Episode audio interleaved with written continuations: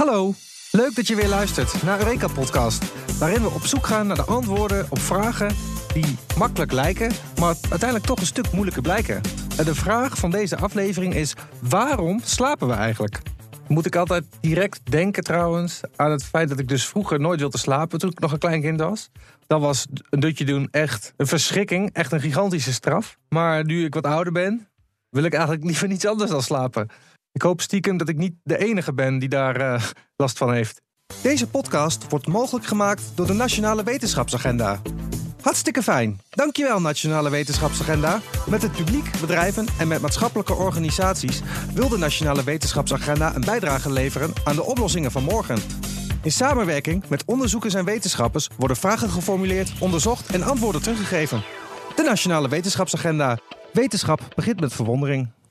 Maar goed, waarom slapen we? Eens even kijken. Oké, laten we weer even beginnen met een rondje ouderwets internetten. Waarom slapen we? En dan kom je al snel bij slapen.com. Nou, als ik ergens toch een goed antwoord zou moeten kunnen krijgen, zou het daar toch zijn. Waarom heeft de mens slaap nodig? Uh, het is een vraag die ons als mensheid al eeuwen bezighoudt. Misschien is dat ook de reden waarom we zo slaperig zijn. Maar dat tezijde. Inmiddels hebben we behoorlijk wat kennis over het nut van slaap en wat er gebeurt als deze verstoord wordt. Toch is het niet helemaal duidelijk waarom de mens precies slaapt. Bepaalde onderzoekers denken dat slapen noodzakelijk is voor het lichaam om energie uit te sparen en op te bouwen. In werkelijkheid blijkt die gespaarde energie zo weinig dat dit waarschijnlijk niet de reden is. Oké, oké, oké, oké. En niet slapen heeft natuurlijk grote gevolgen voor ons lichaam. Uh, slaaptekort heeft zijn weerslag op de emotie. Men voelt zich sneller chagrijnig, duf en vergeetachtig. En dat helpt natuurlijk helemaal niemand. Um, nou, dat is eigenlijk ook wel interessant wat daar staat. Want slaap is ook een van die dingen, net zoals bijvoorbeeld um, zwaartekracht en uh, geld. waarbij je misschien niet realiseert wat de impact uh, ervan is, totdat het er niet meer is. Dat is natuurlijk ook zo. Misschien even kijken wat er dus nou ja, dat kun je wel ongeveer nagaan natuurlijk. Maar misschien even, even goed overzichtelijk krijgen wat er gebeurt als je niet slaapt. Even opzoeken wat er dan gebeurt. Want dat lijkt me ook vrij illustratief voor het nut van wel slapen. Eens even kijken. Nou, hier staat dat het uh, wereldrecord wakker zijn, dus het wereldrecord niet slapen, is 264 uur. Dat is 11 dagen. Dat is uh, flink. Uh, maar ze weten dus niet hoe lang je kan overleven zonder slaap. Al lijkt me elf dagen wel redelijk uh, pushing it. En de eerste symptomen van slaaptekort die beginnen zich na 24 uur al te manifesteren. Nou ja, 24 uur. Bij mij beginnen die zich meestal al na een uur of tien te manifesteren, maar vooruit. En dan moet je denken aan misselijkheid, irriteerbaarheid, aan uh, niet, kunnen, uh, niet situaties goed kunnen beoordelen, dat je geheugen niet meer goed werkt. En natuurlijk je, je zintuigen niet. je kunt niet meer goed zien, je kunt niet meer goed horen. Je, je spieren die, zijn, ehm, die zijn er ook niet zo blij mee. en dat is na 24 uur. En als je dan vervolgens 36 uur in de 36 uur zit, dan kun je dus extreem moe worden. Logisch. Hormonale onevenwichtigheid je aandachtspannen die, die wordt natuurlijk redelijk snel verkleind. Maar ook met, uh, uh, na 36 uur kan ook je temperatuur bijvoorbeeld helemaal gaan schommelen. En je metabolisme. En dat, dat klinkt toch al best wel gevaarlijk. En als je dan kijkt naar wat er gebeurt na 72 uur. Dan kunnen de meeste mensen uit hunzelf al niet meer wakker blijven. Dat is ook wel geinig. Hè? Dus je kunt. Uh, je, je, je lichaam dwingt je dan eigenlijk om te gaan slapen. Zo ontzettend hard heb je eigenlijk slaap nodig. Um, ja, en als je dan kijkt naar chronisch slaaptekort, dus mensen die echt een slaapprobleem hebben als uh, aandoening, hoe noem je dat? Ja, gewoon uh, insomnia. En dan heb je dus eigenlijk ja, vrijwel altijd last van de uh, gevolgen van slaaptekort. Dus dan kun je altijd humeurig zijn, heb je, kun je altijd slecht geconcentreerd zijn, dan kun je altijd dingen vergeten. Dat is natuurlijk wel echt super vervelend. Dus sowieso genoeg reden om in ieder geval je best te doen, genoeg slaap te pakken, lijkt me. Maar goed, dat is dus wat er gebeurt als je niet slaapt. Dat is natuurlijk geen sluitend antwoord op de vraag waarom je slaap nodig hebt. Maar het, is wel, uh, het zegt wel wat. Oké, dan gaan we even verder kijken. Ik heb iemand gevonden die onderzoek doet naar slaap en naar de hersenen. Uh, ze heet Lucia Talamini. Ze is dokter aan de Universiteit van Amsterdam. En ze doet allerlei onderzoeken. En ze zegt ook dat je je geheugen kan trainen, bijvoorbeeld tijdens het slapen. Ja, klinkt super tof. En ik heb haar uh, gemaild met de vraag of ik uh, haar even mocht bellen met deze, met deze kwestie. En je raadt het nooit, dat mocht. Dus dat ga ik dan nu ook even doen. Talamini. Goedemiddag met Adriaan te Brak. Ik zou u nog even bellen. Hallo, goedemiddag. Uh, ja, gaat uw gang. Nou, ten eerste, um, leuk dat ik u even hierover mag spreken. Maar dan heb ik dus ja, eigenlijk de hoofdvraag: waarom slapen we? Kunnen we daar ja, op een beetje sluitend antwoord op geven? Uh, ja, daar kunnen we vrij sluitend antwoord op. Daar kunnen we best wel een makkelijk antwoord op geven. Ja. Uh, we slapen omdat we in een competitieve wereld leven als, als biologische organismen. Ja. En uh, zijn de, onze omgeving varieert. Varieert in, voor ons mensen bijvoorbeeld uh, varieert die van dag naar nacht. De temperatuur verandert, de lichthoeveelheid verandert. Um, en onze uh, capaciteiten, zeg maar onze competitieve geschiktheid om te overleven in die verschillende delen van die cyclus wisselt nogal. Wij zijn bijvoorbeeld als mensen zijn we sterk aangepast aan die lichtfase. En uh, in zo'n competitieve situatie is het, uh, uh, is het adaptief. Ben je beter af in je, qua overleven als je dan maar een ehm, een, een, een schuilplaatsje zoekt, um, je metabole kacheltje wat lager zet en um, ja, geen energie verbruikt, omdat je ook niet goed in staat bent om goed aan eten te komen. Dat is, en dat is voor ons mensen niet alleen zo, dat is voor uh, bijna alle organismen. Dus... zeg maar, als het allemaal niet competitief was, dan, kon je, dan, kon je, dan, dan hoefde dit niet. Maar kijk, in die nacht zijn er weer wezens die beter uit de voeten kunnen dan jij dan jij en ik. En die zijn dan actief en die zijn dan uh, onze voedselvoorraden aan het, uh, hoe noem je dat, aan het uh, plunderen, zou ik maar zeggen.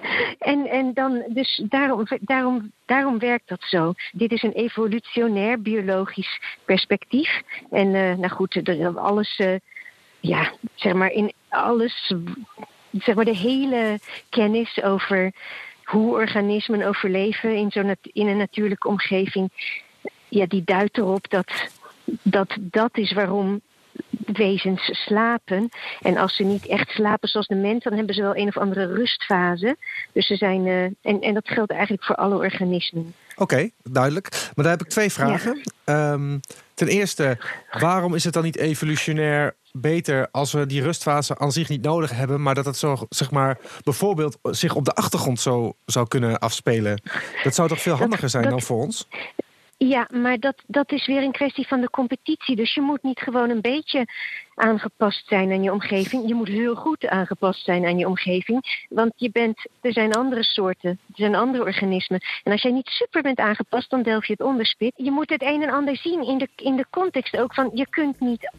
Het, het ene design is goed ergens voor, maar niet zo goed ergens anders voor. Ja, ja, oké. Snap je? Je kunt niet alles hebben. Een oog dat maximaal is aangepast aan een. Uh, aan een, eh, een hele, aan een hele hoeveel, grote hoeveelheid licht. Kijk, onze ogen zijn wel, die kunnen wel een beetje schakelen naar voor een beetje meer licht, een beetje minder licht, maar daar zit dan ergens een grens aan. En dat komt door het design. Het design is toch geoptimaliseerd voor iets. Ja, ja, oké. Probeer maar eens te verdenken. Stel dat je een, een, een machine moet maken, een vervoersmiddel, wat overal uit de voeten kan. In de lucht, in het water, in, uh, weet ik veel, op de sneeuw, op ijs, op asfalt, op gras. Nou, oké, dat kan. Maar je krijgt een soort van. Je moet overal compromissen sluiten. Dus dan, kan dat, dan is dat voertuig wat jij maakt, is niet het snelste of het beste voertuig in één van die condities. Snap je? precies. Dus een Formule 3-wagen is heel specifiek toegerust op één ja, één hele specifieke conditie. En, en ja, goed, en zo, uh, zo gaat Dus je, je design bepaalt alles. En in een competitieve omgeving kan je niet, een, uh, kan je niet af met een uh, design dat overal een beetje goed voor is. Ja, oké. Okay. Dan, dan, wat, dan delf je het onderspits tegen meer specialistische wat, design. Fascinerend eigenlijk dat dat zeg maar zo verfijnd zichzelf heeft ontwikkeld natuurlijk, hè? Ja, dat is evolutie. Ja, ja maar dat is heel, altijd heel mooi om te zien dat, dat dat overal weer terugkomt natuurlijk. Maar mijn tweede vraag was daarin ook: uh, is het dan niet op een gegeven moment ook een evolutionair voordeel als je juist niet zou slapen ten opzichte van de mensen die wel moeten slapen? Want kan, kan de evolutie zich dan niet zo, dus ontwikkelen? Dus bijvoorbeeld, nou ja, er zijn tuurlijk en uh, alle, allerlei nachtdieren die hebben zich inderdaad zo ontwikkeld. Maar, maar ook voor mensen bijvoorbeeld dan? Had, had er niet een punt in de geschiedenis kunnen zijn waarop het goed was voor de mensen dat ze bijvoorbeeld niet zouden slapen en, en zich zo hadden doorontwikkeld? Nou ja, dat, nee dus. Want dan kom je weer terug naar, dat, dat, dat, eh, naar die design kwestie. Als wij ontwikkeld je kan, dat, dat is weer hetzelfde als ja. net nee dus. Want dat, dan, dan ga je ergens anders. Dan, Jij wil weer naar een algemeen design. Ja, dat klopt. Ja, en dat, ja, dat, krijg je dat, dat kan in principe, maar dat kan niet onder evolutionaire druk. Dus dat kan een ingenieur op de designtafel kan dat doen. Maar uh, wij, biologische organismen, onder druk van een, uh, van, een, van een environment waar competitie heerst om te overleven, daar gaat dat niet. Dus elk okay. organisme is op een of andere manier aangepast aan één, aan één beperkte range van omstandigheden. Ja, en ja. andere organismen vullen die andere omstandigheden op. Ja, wat, uh, wat mooi eigenlijk, wat elegant. Uh, wat, uh, ja. u, u, u, onderzoekt slaap, toch? In een ja. speciaal lab. Wat, wat, onderzoek je dan zoal? Hoe, wat, wat, wat wil je nog te weten komen?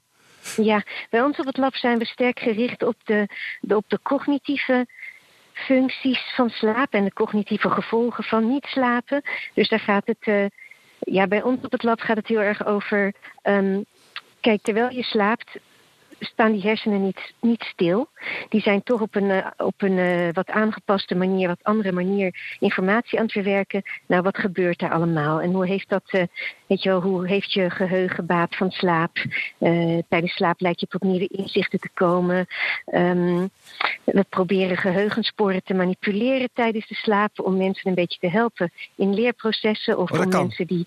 Ja, dat, dat, ja, en om mensen die nare ervaringen hebben, zoals mensen met posttraumatische stressstoornis om misschien die herinneringen te helpen vervagen. Hoe, hoe, hoe, wat moeten we dan daar concreet bij voorstellen? Hoe zou je dat kunnen beïnvloeden? Nou, we weten, dat, uh, we weten dus dat, uh, dat je cognitief niet uitstaat tijdens de slaap. Ver, vervolgens ja. um, zijn we na een hele hoop onderzoek ook in staat om. Nou ja, we weten dat je, dat je herinneringen van overdag weer reactiveert. Ja. Uh, tijdens je slaap. In, uh, misschien soms in een vrij precieze vorm, vaak ook in een heel vermengde vorm met allerlei andere dingen die in je hoofd spelen, daardoorheen gemengd. Dus als, als, als we waren, ja, bijvoorbeeld, dat, dat, dat is. dat is het venster wat de meeste van ons op dat soort processen hebben, is via wat je je van je dromen kan herinneren. Ja. Nou goed, maar, de, de, maar de, dat is maar een fractie wat wij ons kunnen herinneren is maar een fractie van wat zich aan mentatie afspeelt tijdens de nacht. En we zijn inmiddels uh, zijn we ook in staat om zeg maar die wat er zich zoal reactiveert en waar je dus aan denkt en over droomt, om dat een beetje te beïnvloeden van buitenaf. Um, door, door auditieve cues bijvoorbeeld aan te bieden, door, um, uh, door informatie aan te bieden via de oren die jou die geassocieerd is aan iets wat jij weet of wat je geleerd hebt. Oh ja, en zo, ja, ja, ja. Dus Zou je daar ware, een, voorbeeld van kunnen ja. geven? Uh, we, nou, ons, het uh, experiment, uh, een recent experiment dat we op dat gebied hebben gedaan, is mensen helpen met Deens leren. En dus dan, dan, dan ze, ze leren dan, ze krijgen op het lab, hè, dat is natuurlijk allemaal, ze leren niet helemaal Deens, maar ze leren één avond krijgen ze een les Deens. Ja? Um, we, vervolgens nachts laten we een aantal van de geleerde woordjes op een heel zacht niveau horen, zonder dat het de slaper verstoort. En we doen dat, maar dan wordt het, dat kan ik nu niet uitleggen in een kwartier, maar we doen dat op momenten in de slaper van de weten. We kunnen aan het EEG zien. Zeg maar, we kunnen de hersenactiviteit uitlezen en we weten op welke momenten er sprake is van uh, van, van uh, mentatie, zeg maar. Van informatieverwerking en van reactivatie van herinneringen. En door op die momenten ja, uh, geheugensteuntjes aan te bieden. Ja. Aan die Deense woordjes. We laten dan gewoon het Deense woordje heel zachtjes horen. Kunnen we die, die natuurlijke processen eigenlijk sturen en beïnvloeden? En dan, kunnen zij het, of, dan leren zij dit sneller? En dan leren ze dat sneller. Dan zie je uh, na afloop van die nacht als je dan een ge geheugentoets doet op de, Deense, op de geleerde stof, hè, op die geleerde Deense woorden, dan zie je dat de, de woordjes die s'nachts gereactiveerd zijn, dat, die beter, dat daar beter op gescoord wordt. Daar weet men dan beter de Nederlandse wat, eh, betekenis van. Wat mooi, wat bizar zeg, maar wat echt uh, fascinerend wel. Echt zo mooi dat dat zo werkt. Ja. Ja. ja, dat is inderdaad boeiend. En we kunnen ook uh, herinneringen, door ze weer op een ander moment in de slaap te laten horen, kunnen we herinneringen ook zwakker maken. Oh ja, dat kan natuurlijk dan ook en nog. Dat, ja. Nou ja. en dat soort informatie en dat soort, uh, ja, dat zijn allemaal nog experimenten in uh, gezonde proefpersonen geweest. Maar dat soort kennis proberen we op het moment in te zetten om mensen met, ja, met, met ongewenste nare herinneringen zoals mensen, specifiek in ons land mensen met posttraumatische stressstoornis, om die te helpen, om die herinneringen juist te verzwakken. Dus nou ja, dat is een beetje, dat is het soort van onderzoek waar wij veel aan werken. Dat is ook wel eigenlijk heel mooi, omdat het dus, ja, ik vind het dus een heel fascinerend onderwerp, ook vanuit wetenschappelijk perspectief, maar het antwoord erop en, eh, is, heeft direct. Uh, uh, contact met de toepassing in de praktijk. Want je kunt er dus direct mensen mee helpen. Ja. Dat is wel echt heel mooi natuurlijk. Oké, ik ga zo meteen uh, verder praten met mevrouw Talamini. Uh, geen zorgen, ze staat niet in de wacht of zo. Ik heb uh, lang met haar gebeld en ze gaat me nog allerlei andere leuke dingen vertellen. Maar eerst even een klein intermezzo. Ja, want ik moest even denken aan deze scène van The Matrix. Have you ever had a dream, Neo, that you were so sure was real? What if you were unable to wake from that dream? How would you know the difference between the dream world and the real world? This can't be. Be what? Be real? Want ja, het is vaak zo dat uh, de science fiction door de wetenschap wordt ingehaald. En dat is nu natuurlijk ook wel een beetje zo. Want als je allerlei dingen in je slaap leert van buitenaf. Dingen die worden toegediend van buitenaf, terwijl je aan het dromen bent dus. Hoe kun je dan op een gegeven moment nog uh, zeker weten of hetgene wat je droomt uh, wel een droom is. Want ja, alles loopt zo in elkaar over. Dat vind ik wel heel tof. En, en er is natuurlijk ook die scène in de Matrix dat hij uh, in een stoel zit en wil leren vechten. En dat hij in een, in een seconde uh, alles over kung fu krijgt geupload. En dan kan hij het. Dat is ook eigenlijk een beetje hetzelfde. Alleen ja, dan misschien in een heel vroeg stadium. Maar stel je voor dat je gewoon kan slapen. En terwijl je aan het slapen bent, is het net alsof je een programma installeert. Je wordt wakker en in één keer kan je heel goed uh, helikopter vliegen of iets dergelijks. Dat is toch te gek? Is natuurlijk wel een beetje toekomstmuziek, maar daar hou ik ook wel van. Maar goed, uh, dat wilde ik gewoon eventjes uh, even zeggen. Daar moest ik aan denken. Laten we even verder gaan praten met dokter Talamini.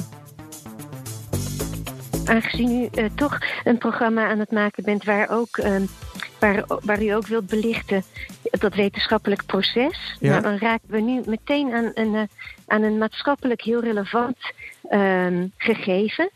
Um, en dat is dat uh, de staat, hè, OCW, stuurt over de laatste jaren, al best wel lang, uh, heel sterk aan op toegepast onderzoek. Toepassing, toepassing, toepassing. Het moet meteen nuttig zijn voor de maatschappij. Maar dan is het wel, als je dan kijkt naar deze specifieke ontwikkeling. Wij hebben dus, wij hebben nu, uh, zeg maar een jaar geleden, hebben we op, op dit gebied, wat, wat ik u nu vertel, hebben we uh, patiëntstudies uh, opgestart. En die zijn nog lang niet klaar. Dat, dat, dat is dus nu twee jaar gaande. Maar daarvoor zijn we, nou, laten we zeggen, een jaar of drie bezig geweest met het ontwikkelen van, dat, van de manier om slaap te, ja om die geheugensporen te manipuleren.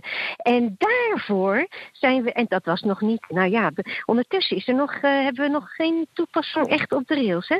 Daarvoor zijn we vijf jaar, zeker, bezig geweest met het ontwikkelen van die methode om hersenactiviteit te lezen.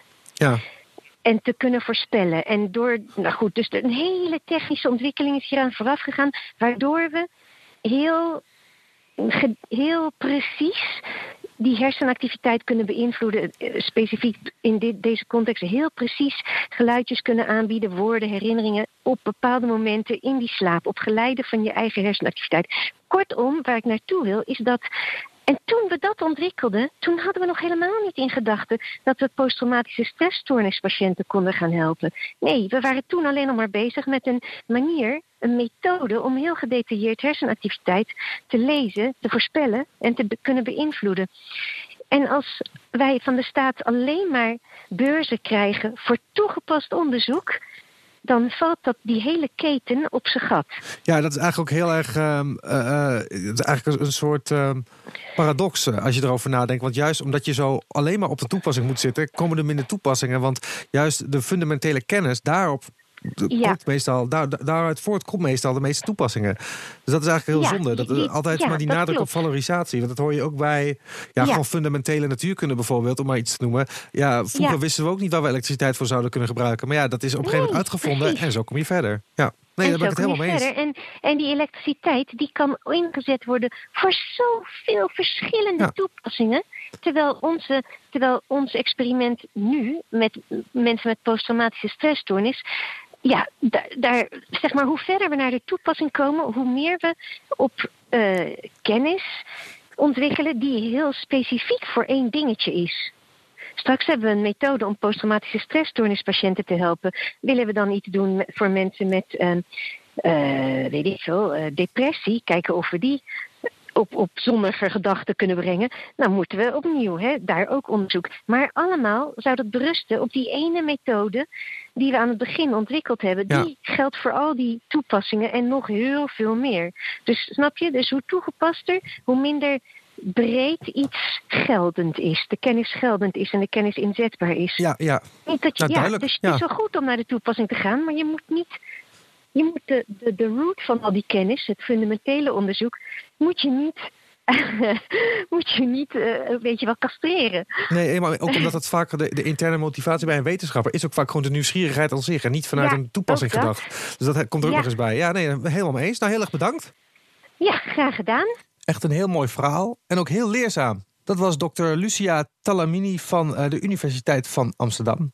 Ik vind het ook heel fascinerend dat je dus in je slaap nog dingen kan leren. Als je dus de woordjes, de Deense woordjes krijgt toegediend, dan pik je die toch beter op. Heel apart. Zou je dus ook in principe, als je slapend naar deze podcast luistert, meer te weten kunnen komen over wetenschap? Misschien is dat een goede tip. En uh, wel geinig, want uh, het antwoord dat zij heeft gegeven op de vraag waarom slapen we, is toch nog best wel sluitend. Het is best wel goed te zeggen, dus alsnog. Het is een evolutionair voordeel. Zelfs dat hele kleine beetje energie dat we besparen met slapen. Tenminste, ik, dat uh, zei, uh, wat was het, slapen.com. Uh, dat het zo weinig energie was. Maar die hebben we wel nodig om competitief te zijn. Hè? dus dat is eigenlijk de reden. En andere dieren, die kunnen bijvoorbeeld s'nachts leven. En die, ja, die zijn dan de baas. Maar ja, we, we, hebben toch echt die rust nodig om op andere momenten te excelleren en al onze functies goed te laten werken.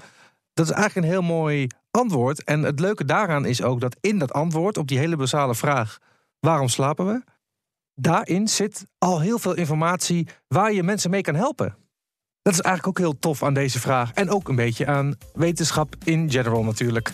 Het is een, um, een heel mooi, complex, elegant antwoord.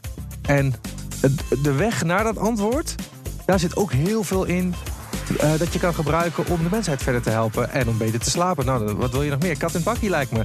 Uh, nou ja, hopelijk heb je er wat van opgestoken. En dan ben je zelf niet in slaap gevallen terwijl je dit aan het luisteren was. Dat zou natuurlijk ook zomaar kunnen, dat zou wel balen zijn. Maar goed, uh, heel erg bedankt voor het luisteren en hopelijk tot de volgende keer.